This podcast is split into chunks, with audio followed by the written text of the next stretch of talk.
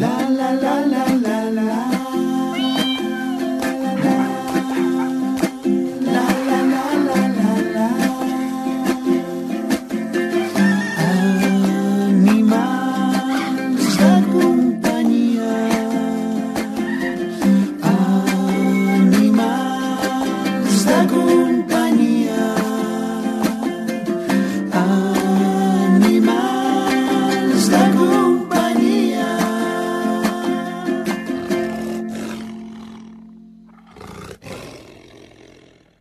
Sabies que Figueres té una casa dels animals? Es tracta d'un espai de divulgació i una eina de conscienciació cap als animals de companyia.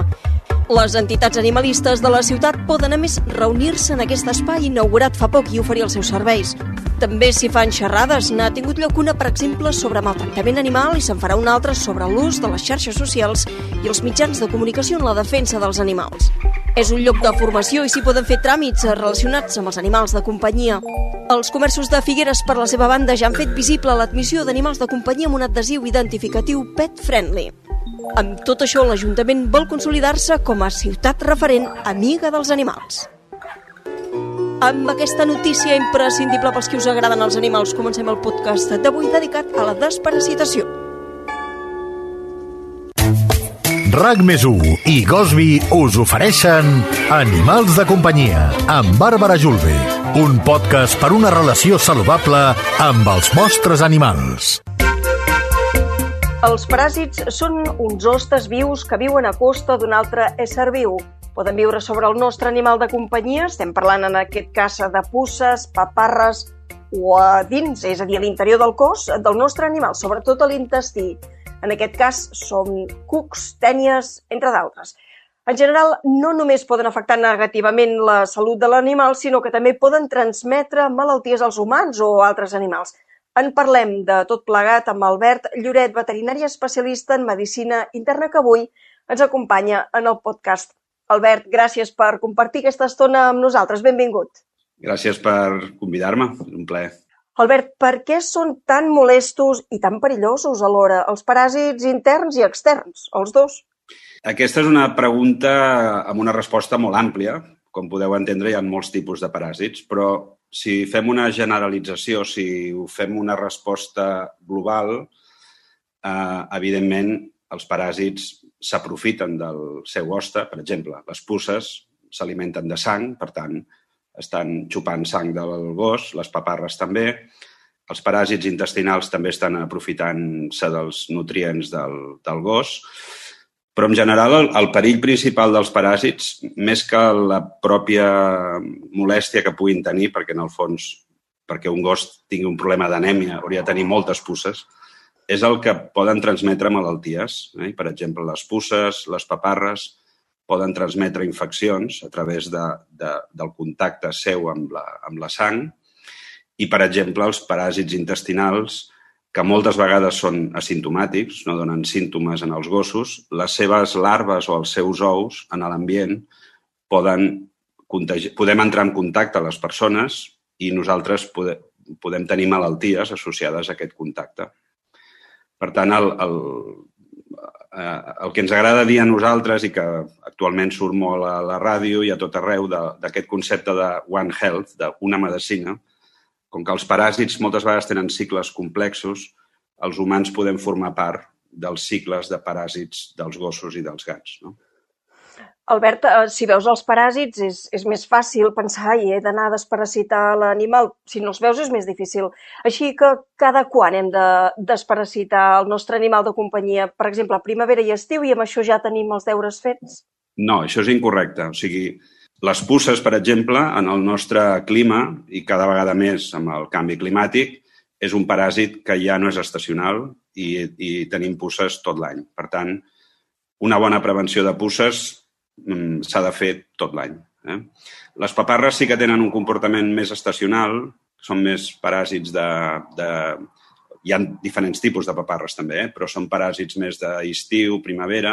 El que passa que al final els productes que fem servir mm, preventius actuen sobre pusses i paparres, o sigui que al final també protegim eh, de paparres eh, tot l'any. No?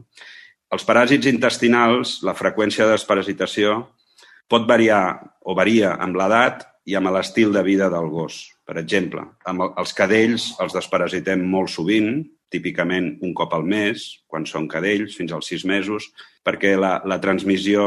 Mo, molts cadells ja neixen parasitats, perquè la mare els hi transmet a través de la llet larves de paràsits. No? Vol dir que la mare és portadora. Llavors, el, els paràsits, la desparasitació amb paràsits interns, amb els cucs intestinals, la fem molt freqüentment amb cadells i després en el gos adult podríem dir que el promig és fer-ho el promig estàndard és fer-ho tres o quatre cops l'any, eh? perquè els gossos i els gats, sobretot si són gats que surten a l'exterior, tenen risc d'ingerir doncs, ocellets, eh, ratolins, als gossos els agrada molt menjar les femtes d'altres animals que troben. O sigui, els gossos i els gats són molt propensos a poder infestar-se al llarg de la vida i s'han de fer desparasitacions doncs, cada 3-4 mesos, però això pot variar a fer-ho més sovint, per exemple, amb un gos d'exterior, de, de, que vagi molt al bosc, que es mengi qualsevol cosa que es trobi, a fer-ho doncs, menys sovint amb un gos de ciutat que pràcticament no surti del pis. No? O sigui, podem variar una mica la freqüència en funció de l'estil de vida del, del gos però, o del gat, però 3-4 cops l'any per paràsits interns és, és prudent. I, I quin seria el mètode més efectiu? Pipeta, collar? En el cas del fàrmac, per exemple, quins efectes secundaris pot tenir? Avui en dia el món dels preventius antiparasitaris ha canviat moltíssim. Jo, quan vaig començar a treballar als anys 90, teníem antiparasitaris que eren efectius, però també eren molt perillosos pel, pel gos o pel gat. Tot això ha canviat molt en els últims 20 anys, arran de la sortida de dos grans grups d'antiparasitaris. El, el nom és igual, però són fàrmacs molt, molt, molt eficients, molt eficaços, um, um, i són molt segurs amb els mamífers. O sigui, són productes que són molt tòxics pels paràsits, però en canvi no actuen sobre la cèl·lula dels, dels mamífers. Per tant, són productes, no, no diria segurs, sinó extremadament segurs. Són productes inocus, a les dosis correctes, evidentment, en els, tant en el nostre animal com en nosaltres, si tenim contacte amb aquests productes. No? I llavors, aquests mateixos grups d'antiparasitaris els tenim en presentació... Eh, I a més, a, a, tenim presentacions per totes les per tot el tipus d'animals. Eh? Tenim avui en dia bones presentacions en pastilles, en pastilles mensuals, i, i, i tot i ser pastilla, són antiparasitaris pels paràsits externs, o sigui, són, és un medicament que està a la sang i quan una puça o una paparra mmm, xucla sang, es mora al cap de pocs minuts o al cap de poques hores. O sigui que a través d'una pastilla mensual podem tenir l'animal desparasitat tant per paràsits interns com externs i el mateix tipus de productes existeixen amb aquestes pipetes famoses que apliquem en una zona de la pell que l'animal no es pugui tocar i també aquest producte a través de la sang ens pot combatre els paràsits interns i externs. No? Els collars, els, moltes vegades els collars i les pipetes es complementen, o els collars i les pastilles, perquè els collars eh, o, o hi ha alguns tipus de collars, això també s'ha de veure cada tipus de producte, que ens donen una bona acció repel·lent per, per mosquits. Eh? Hi ha un tipus de... No és exactament un mosquit, però hi ha un, un insecte que es diu flebotomus, que és el mosquit, que és el transmissor... De la lismània, no? És el transmissor de la leishmaniosis i avui en dia tenim tant collars com pipetes que són repel·lents pels mosquits. No? Llavors, per tant, avui en dia tenim, podem fer desparasitacions a la, a la carta Um, segons adaptades. si és, adaptades, si és un animal que es, es deixa posar la pipeta, no es deixa, si li, si li podem donar pastilles, si no... No, no hi ha estudis de comparació d'eficàcia. Considerem que tots aquests productes moderns són, són molt eficaços. I Albert, tu ets veterinari especialista en medicina interna, també especialista en medicina felina i també ens podràs aclarir, doncs això, podem fer servir un producte de gos per a gat? En aquest cas, per desparasitar-lo? La resposta és que, és, o sigui, la resposta és que no. Eh, és a dir, el, molts d'aquests productes antiparasitaris, amb el mateix nom, eh, amb el mateix nom, venen diferents presentacions amb diferents dosis, doncs per gos de 10 a 20 quilos o per gos de 0 a 10 quilos, per gat de 2 a 8 quilos, o sigui, és molt important i el mateix producte es pot fer servir en gat i gos, però amb la presentació correcta. Eh? O sigui, és molt important seguir les instruccions del producte i els consells del veterinari i, evidentment, mai posar un producte que posi només gos amb un gat. Eh? O posar un producte de, de, o una dosis per un gat de 8 quilos o un gat de 4 quilos o de 4 a 8 quilos amb un gat de 2 quilos. O sigui, de fer, no podem fer servir eh, productes mm, de gos a gat. Hem de seguir les instruccions. Eh? Um, tot i que insisteixo que a vegades el mateix producte existeix amb la dosi de gos i la dosi de gat. Eh? Però, per exemple, a vegades veiem gats intoxicats perquè una persona, amb tota la bona fe del món, ha anat a comprar un collar que, que només és per gos o una pipeta que només és per gos i ha dit, bueno, doncs, si aquesta pipeta serveix per un gos de 4 quilos, servirà per un gat de 4 quilos. Això és incorrecte perquè els gats a vegades tenen susceptibilitats diferents en els productes. Sí, sí, queda clar cadascú el que li pertoca. Moltes d'aquestes eh, malalties que porten eh, aquests paràsits són, eh, ho dèiem al, al començar, zoonòtiques, és a dir, que poden transmetre's a les persones.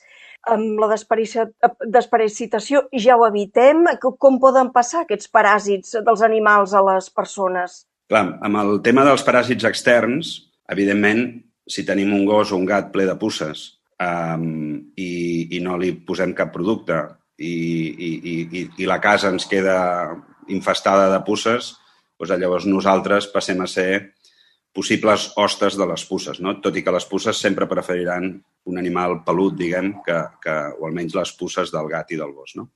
Però, evidentment, una puça del gat ens pot picar a nosaltres o una paparra que l'animal ens hagi entrat a casa es pot acabar enganxant amb nosaltres. Per tant, eh, és, o sigui, el, el, el gat o el gos el que pot fer és d'aproximador, ens aproxima aquests paràsits a nosaltres. Evidentment, jo puc anar a la muntanya i que se m'enganxi una paparra i, i no tinc gos i, i, i puc contagiar-me d'una d'aquestes malalties. O sigui, no, no és exclusivament el, el, el perill de tenir una paparra no és exclusiva del teu gos o del teu gat, no? Perquè, les, perquè en el fons són paràsits ambientals, no? Però, evidentment, tenir el gos i el gat sense pusses i paparres fa que tinguem molt menys risc de que nosaltres ens, se'ns enganxi una paparra o ens piqui una paparra. No? Amb els paràsits intestinals és una mica diferent perquè, perquè clar, el, el contacte o el, o el possible contagi d'un paràsit intestinal de, de gos o gat a persona no és tocant el gos o el gat, sinó que és tocant e, e ingerint les femtes, cosa que normalment no, no, no es fa. No? I aquí es dona la circumstància, i tornem una altra vegada al concepte d'una medicina, de, de One Health, és que el, si jo no tinc el meu gos desparasitat i, a més a més, quan el trec a passejar, el meu gos es fa caca eh, en un parc infantil o al carrer i el meu gos no està desparasitat, el meu gos pot estar contaminant l'ambient amb i, amb ous de paràsit que poden romandre infectius durant mesos i llavors eh, el nen, sobretot d'una persona que no té gos, agaf, juga amb aquest terra que està contaminat, es posa les mans a la boca i pot tenir un contagi sent un nen que no té gos, que, que viu en una família que no té gos. O sigui que quan desparasitem els gossos i els gats per, amb, eh, contra els paràsits intestinals, en el fons estem fent una acció solidària i estem fent que, el, que els ambients puguin estar menys contaminats.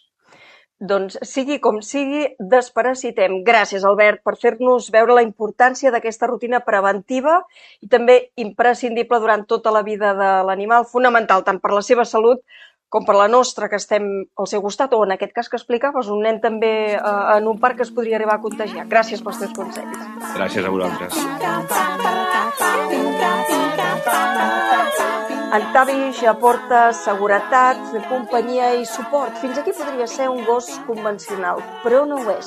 A la seva responsable l'acompanya en tot moment en la seva vida diària. Espera el voral davant d'una escala o esquiva obstacles.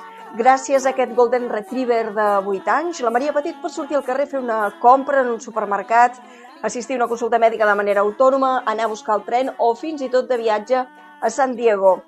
Maria, què tal? Benvinguda. Suposo que en Travis eh, t'ha donat un, un t'ha portat un benefici enorme. Hola, què tal? Bé, sí, en Travis em va canviar la vida radicalment. Després de perdre la visió, l'any 2010, jo no tenia gens d'autonomia i realment a la que me'n vaig adonar després d'un de, llarg procés, no? me n'adono que em falta una de les parts més importants de, de la meva vida. O sigui que necessitava aquesta autonomia sí o sí. Hi havia una cosa que tenia molt clara, que era que volia un gos pigai, volia un gos guia, i vaig tenir en Tavis després d'un llarg procés, anar-lo a buscar als Estats Units, estar entrant allà, tornar aquí, adaptar-nos. I un cop ens vam adaptar i vam començar a sortir junts al carrer, em va portar molts beneficis. Realment podria dir que, m'atreviria a dir que em va tornar a la vida i tot, no? perquè al final l'autonomia és, és vida i em va tornar aquesta vida. Perquè quins avantatges eh, té eh, tenir un gos en lloc d'un bastó, per exemple? El bastó, al final, el, el domines només tu, no? Al final ets tu i el bastó i tu que manes, no? I a mi m'agrada un bastó i confia en mi a l'hora d'anar al carrer ets tu i, i, un, i un estri, no? I al final, quan vas amb un gos, és que portes uns altres ulls, vull dir, portes uns ulls afegits, no? Al final, doncs, és una comoditat molt més gran, almenys per mi i pel, pel meu gust, és una, comunitat, és una comoditat enorme, no? Sempre fan aquesta comparació d'anar amb un cotxe vell o anar amb un Ferrari, no? Pues una mica el gos seria, seria el, el Ferrari, en aquest cas. T'ajuda a desplaçar-te amb, amb seguretat, per tant. Sí, en Tavis no, no sap on anem. És a dir, jo no li puc dir, Tavis, anem a l'estació de tren, Tavis, anem a comprar, Tavis, anem al metge. No. Ell el que fa, bàsicament, és evitar els obstacles, evitar tot tipus d'obstacles o de perills que, que pugui haver-hi durant el, el trajecte i la persona usuària ha de saber el camí per on va i el va guiant. I um, socialment té, té acceptació? És a dir, si entres en un lloc amb, amb el gos, amb aquest gos pigall, um, t'has trobat amb, amb alguns impediments o quins requisits són indispensables? Em preguntes a nivell social, però jo aniria més enllà. A nivell de llei, pot entrar a tot arreu. És a dir, un gos pigai pot entrar a un tren, a un taxi, a un autobús, a una empresa, a una botiga, al cinema, a un restaurant, on sí, per ell pot entrar a tot arreu. Socialment, hi ha gent que ho entén més i hi ha gent que ho entén menys o que no ho sap. Realment, no ens oblidem que en l'àmbit de la discapacitat hi ha moltíssim desconeixement i molta gent no en sap de gossos pigais. Inclús si vas a un restaurant d'una altra cultura o que no, no, no estan informats, no ho saben, els agafa per sorpresa i el primer és no, dic que no. Doncs normalment, si parles una mica o ho expliques, eh, cedeixen. A vegades també t'hi trobes que, que no. Però bé, el 90% de casos la gent ho entén perfectament, que és un gos pigai i que ha d'entrar a tot arreu. I Maria, i si et veig comprant en un supermercat, per exemple, amb en Tavis, puc venir a saludar-lo, a tocar-lo, ni que sigui acariciar-lo? En general, quan es veu un gos guia pel carrer, un gos que va, va amb la renja amb la persona cega, no s'hauria de tocar així de bones a primeres, perquè està treballant. Anem superconcentrats quan estem treballant junts i no s'hauria de tocar. Jo recomano sempre, abans de tocar-lo, si algú li ve molt de gust acariciar o tocar el gos, pregunta a la persona usuària si en aquell moment pot tocar o no el gos per tenir, per disposar d'un gos pigall, has comentat que mm, no, vas, vas estar als Estats Units, vas, vas fer un viatge en allà. Explica'm com va anar l'experiència i quins requisits es necessitaven per tenir un gos d'aquestes característiques. Tenir un gos pigall no és gens fàcil. Has de tenir quatre informes els quals diguen que, diguin que estàs adaptat per tenir-lo. És a dir, un informe d'un treballador o treballadora social, el qual explica que a nivell econòmic pots tenir un gos, és a dir, que pots mantenir-lo, pots pagar el menjar, pots pagar el veterinari, etc. Un informe psicològic, el qual diu que ets conscient de les necessitats que, que ha de tenir un gos, un informe mèdic, el qual diu que ets apte físicament per poder portar el gos, i un informe d'orientació, el qual saps portar un bastó, saps orientar pel carrer i pots anar a buscar el gos. Un cop tens aquests quatre informes, en aquest cas, a l'any 2013, que vaig fer els informes, et deixaven escollir si volies anar a Madrid o a Michigan, a Estats Units, que també hi ha, hi ha una altra escola. Jo vaig triar anar als Estats Units, me'n vaig anar un mes allà. De dilluns a dissabte, matins, migdies, tardes, fins la nit, estàvem fent classes pràctiques i classes teòriques i així és com fas el, el teu procés no, per graduar-te i tenir un, un gos. Déu-n'hi-do, déu nhi déu que, que intens això. Um, Maria, hi passa controls veterinaris més estrictes? Que en relació a altres gossos? No, en general no. Són les, les proves típiques que s'ha de fer. El tema de l'ismaniosi que és molt important, que sempre ho controlen. I a nivell de veterinari, mm, jo penso que és igual que, que la resta de gossos. Però, en canvi, pel que fa a la jubilació, aquí sí, no? Suposo que hi ha algun moment que, que, que ja ha acabat la seva tasca. Quan arriba això? Bé, al final és depèn de, de cada gos, no? Hi ha gossos que, com les persones, hi ha persones que amb 60 anys no poden més i deixen de treballar i en fan 70 i ja, mira, jo fa poc tinc una companya de feina que s'ha jubilat amb 91, vull dir que això al final va com va, no? En el cas dels gossos és el mateix. Els gossos els que venen dels Estats Units, normalment a partir dels 9 anys ja es planteja de començar-los a jubilar, depèn com hi treballi, és a dir, hi ha gent que els jubila als 9, als 10, als 11, inclús als 12, és a dir, depèn de, de com treballi. Doncs s'ha de fer també uns papers per acreditar que el gos ja no, ja no és apte per treballar, que es jubila, qui se'l queda i també torna a ser una, una petita moguda. I perquè vagi uh, aprenent no? a, a respondre les teves ordres que tu li dones, uh, ho fa, fa servir els premis, per exemple, o com, com ho gestiones, això? Al principi, quan estàvem a l'escola, sí que fèiem servir molt els premis. A l'escola era tot molt militar, és a dir, hi havia uns horaris predeterminats pel menjar superquadriculats, uns horaris perquè sortís a fer les seves necessitats, tot el tema dels premis a l'hora de fer diferents recorreguts, inclús al primer moment, no? al cap de tres dies quan estàs allà i, i coneixes el teu gos, que és un gos super adaptat a les teves necessitats, a la teva manera de ser, el primer que li fas és també donar-li, cridar el seu nom i donar-li un premi, no? un cop sobre la porta, és a dir, que sí, sí que eren bastant recurrents, la veritat. Maria, uh, tu als 17 anys doncs, et vas quedar cega en un accident de moto, una història que precisament expliques en el llibre Marieta de l'Ull Viu, juntament amb la periodista Maria Xinxó del programa Islàndia de Racón. T'hem sentit també allà explicant el teu testimoni, un testimoni que és honest i ple d'humor també sobre el camí no? de superació que vas haver de seguir. Uh, avui parlem d'aquesta relació tan estreta i sincera que tens amb en Tavis i tot allò que t'aporta. Com és ell? Sembla tranquil, sofert, però també una mica mur murri. Algun dia potser s'ha aprofitat o, o te, l'ha fotut d'alguna manera? En Tavis, sí, em parles ara del llibre, que justament en, en Tavis surt a la portada, perquè el, el bo que tens anar amb en Tavis és que passa un segon pla. Jo em dedico a fer conferències, per exemple, i sempre que hi vaig, el protagonista sempre, sempre, sempre és el Tavis. A vegades sí que me la juga, Normalment, justament ara parlaves d'anar a un programa de ràdio, no? Quan vaig a un programa de ràdio o l'altre dia fent una conferència, m'agafa un jersei, m'agafa un bolso i se'l menja. Només o a la ràdio o a la tele o fent conferències. No sé si és perquè hi ha més tensió o, o jo em nota a mi que tinc una mica més de tensió, però es menja les, les meves peces que normalment porto les meves preferides. I doncs això, vaig a buscar el jersei i me'l trobo foradat, L'altre dia vaig haver de parar una conferència perquè s'havia menjat una nansa del bolso, vull dir que vaig estar a Barcelona i vaig haver d'anar a comprar un bolso nou perquè el portava supercarregat. És a dir, que a vegades sí que em fa d'aquestes. És una cosa que a casa mai, a casa mai s'ha menjat res de roba, mai ha mossegat res, mai ha trencat res, però quan estem a fora a vegades sí que, sí que li agafa per això. que, que curiós. I quan falta el gos, Maria, com et sents? Quan falta? Si hi ha algun dia que hagi faltat, potser que hagi hagut d'estar ingressat en el veterinari, o que, mira, per que sort, un lloc no. sense ell? Per sort, per sort no m'ha faltat mai d'haver estat ingressat. Algun dia potser que l'he deixat a casa dels meus pares perquè jo tornava a algun lloc i el dia següent, clar, jo m'aixeco pues, volent, volent veure en Tavis no? i, i volent-li anar a donar el menjar. La meva responsabilitat cada matí és donar-li el menjar, treure-la a fer les seves necessitats, no? I sí que, bueno, hi ha com un buit, no? Realment no m'ha faltat més enllà d'això i espero que, que no em falti. Sí que és cert que a vegades quan viatjo i quan, quan és per feina no, sempre me l'enduc amb mi, perquè de fet és per, per tot l'estat espanyol, no, no és tan lluny, però sí que és cert que quan he viatjat, m'he anat a la Índia, m'he anat a Indonèsia, no, no me l'enduré, vull dir, al final s'ha de mirar molt pel benestar de, de l'animal, és el mateix com si vas a un concert o si vas al cinema. Un cinema mai he anat sola, no? Pues al final, si vaig amb algú, amb alguna altra persona, amb algun acompanyant o, o sí, una, una mica una amiga, doncs el Taveix el deixaré a casa, perquè ell, pobre, al cinema, amb tothom amb les crispetes, que se'ls podrà menjar, el soroll tan alt, no? Ell estarà incòmode. Doncs hi ha moments que sí que és cert que, que no me l'enduc en aquells moments, bé, si estic distreta, doncs estic distreta i no estic pendent, no? Hi ha cops, és curiós que potser estic a algun lloc o algun restaurant, alguna cosa, que per una cosa o altra no, no me l'he endut, sobretot sempre mirant el seu benestar, i a vegades em penso que està sota la taula, perquè estic tan acostumada que és com, ai, el Tavis, ai, que no hi és.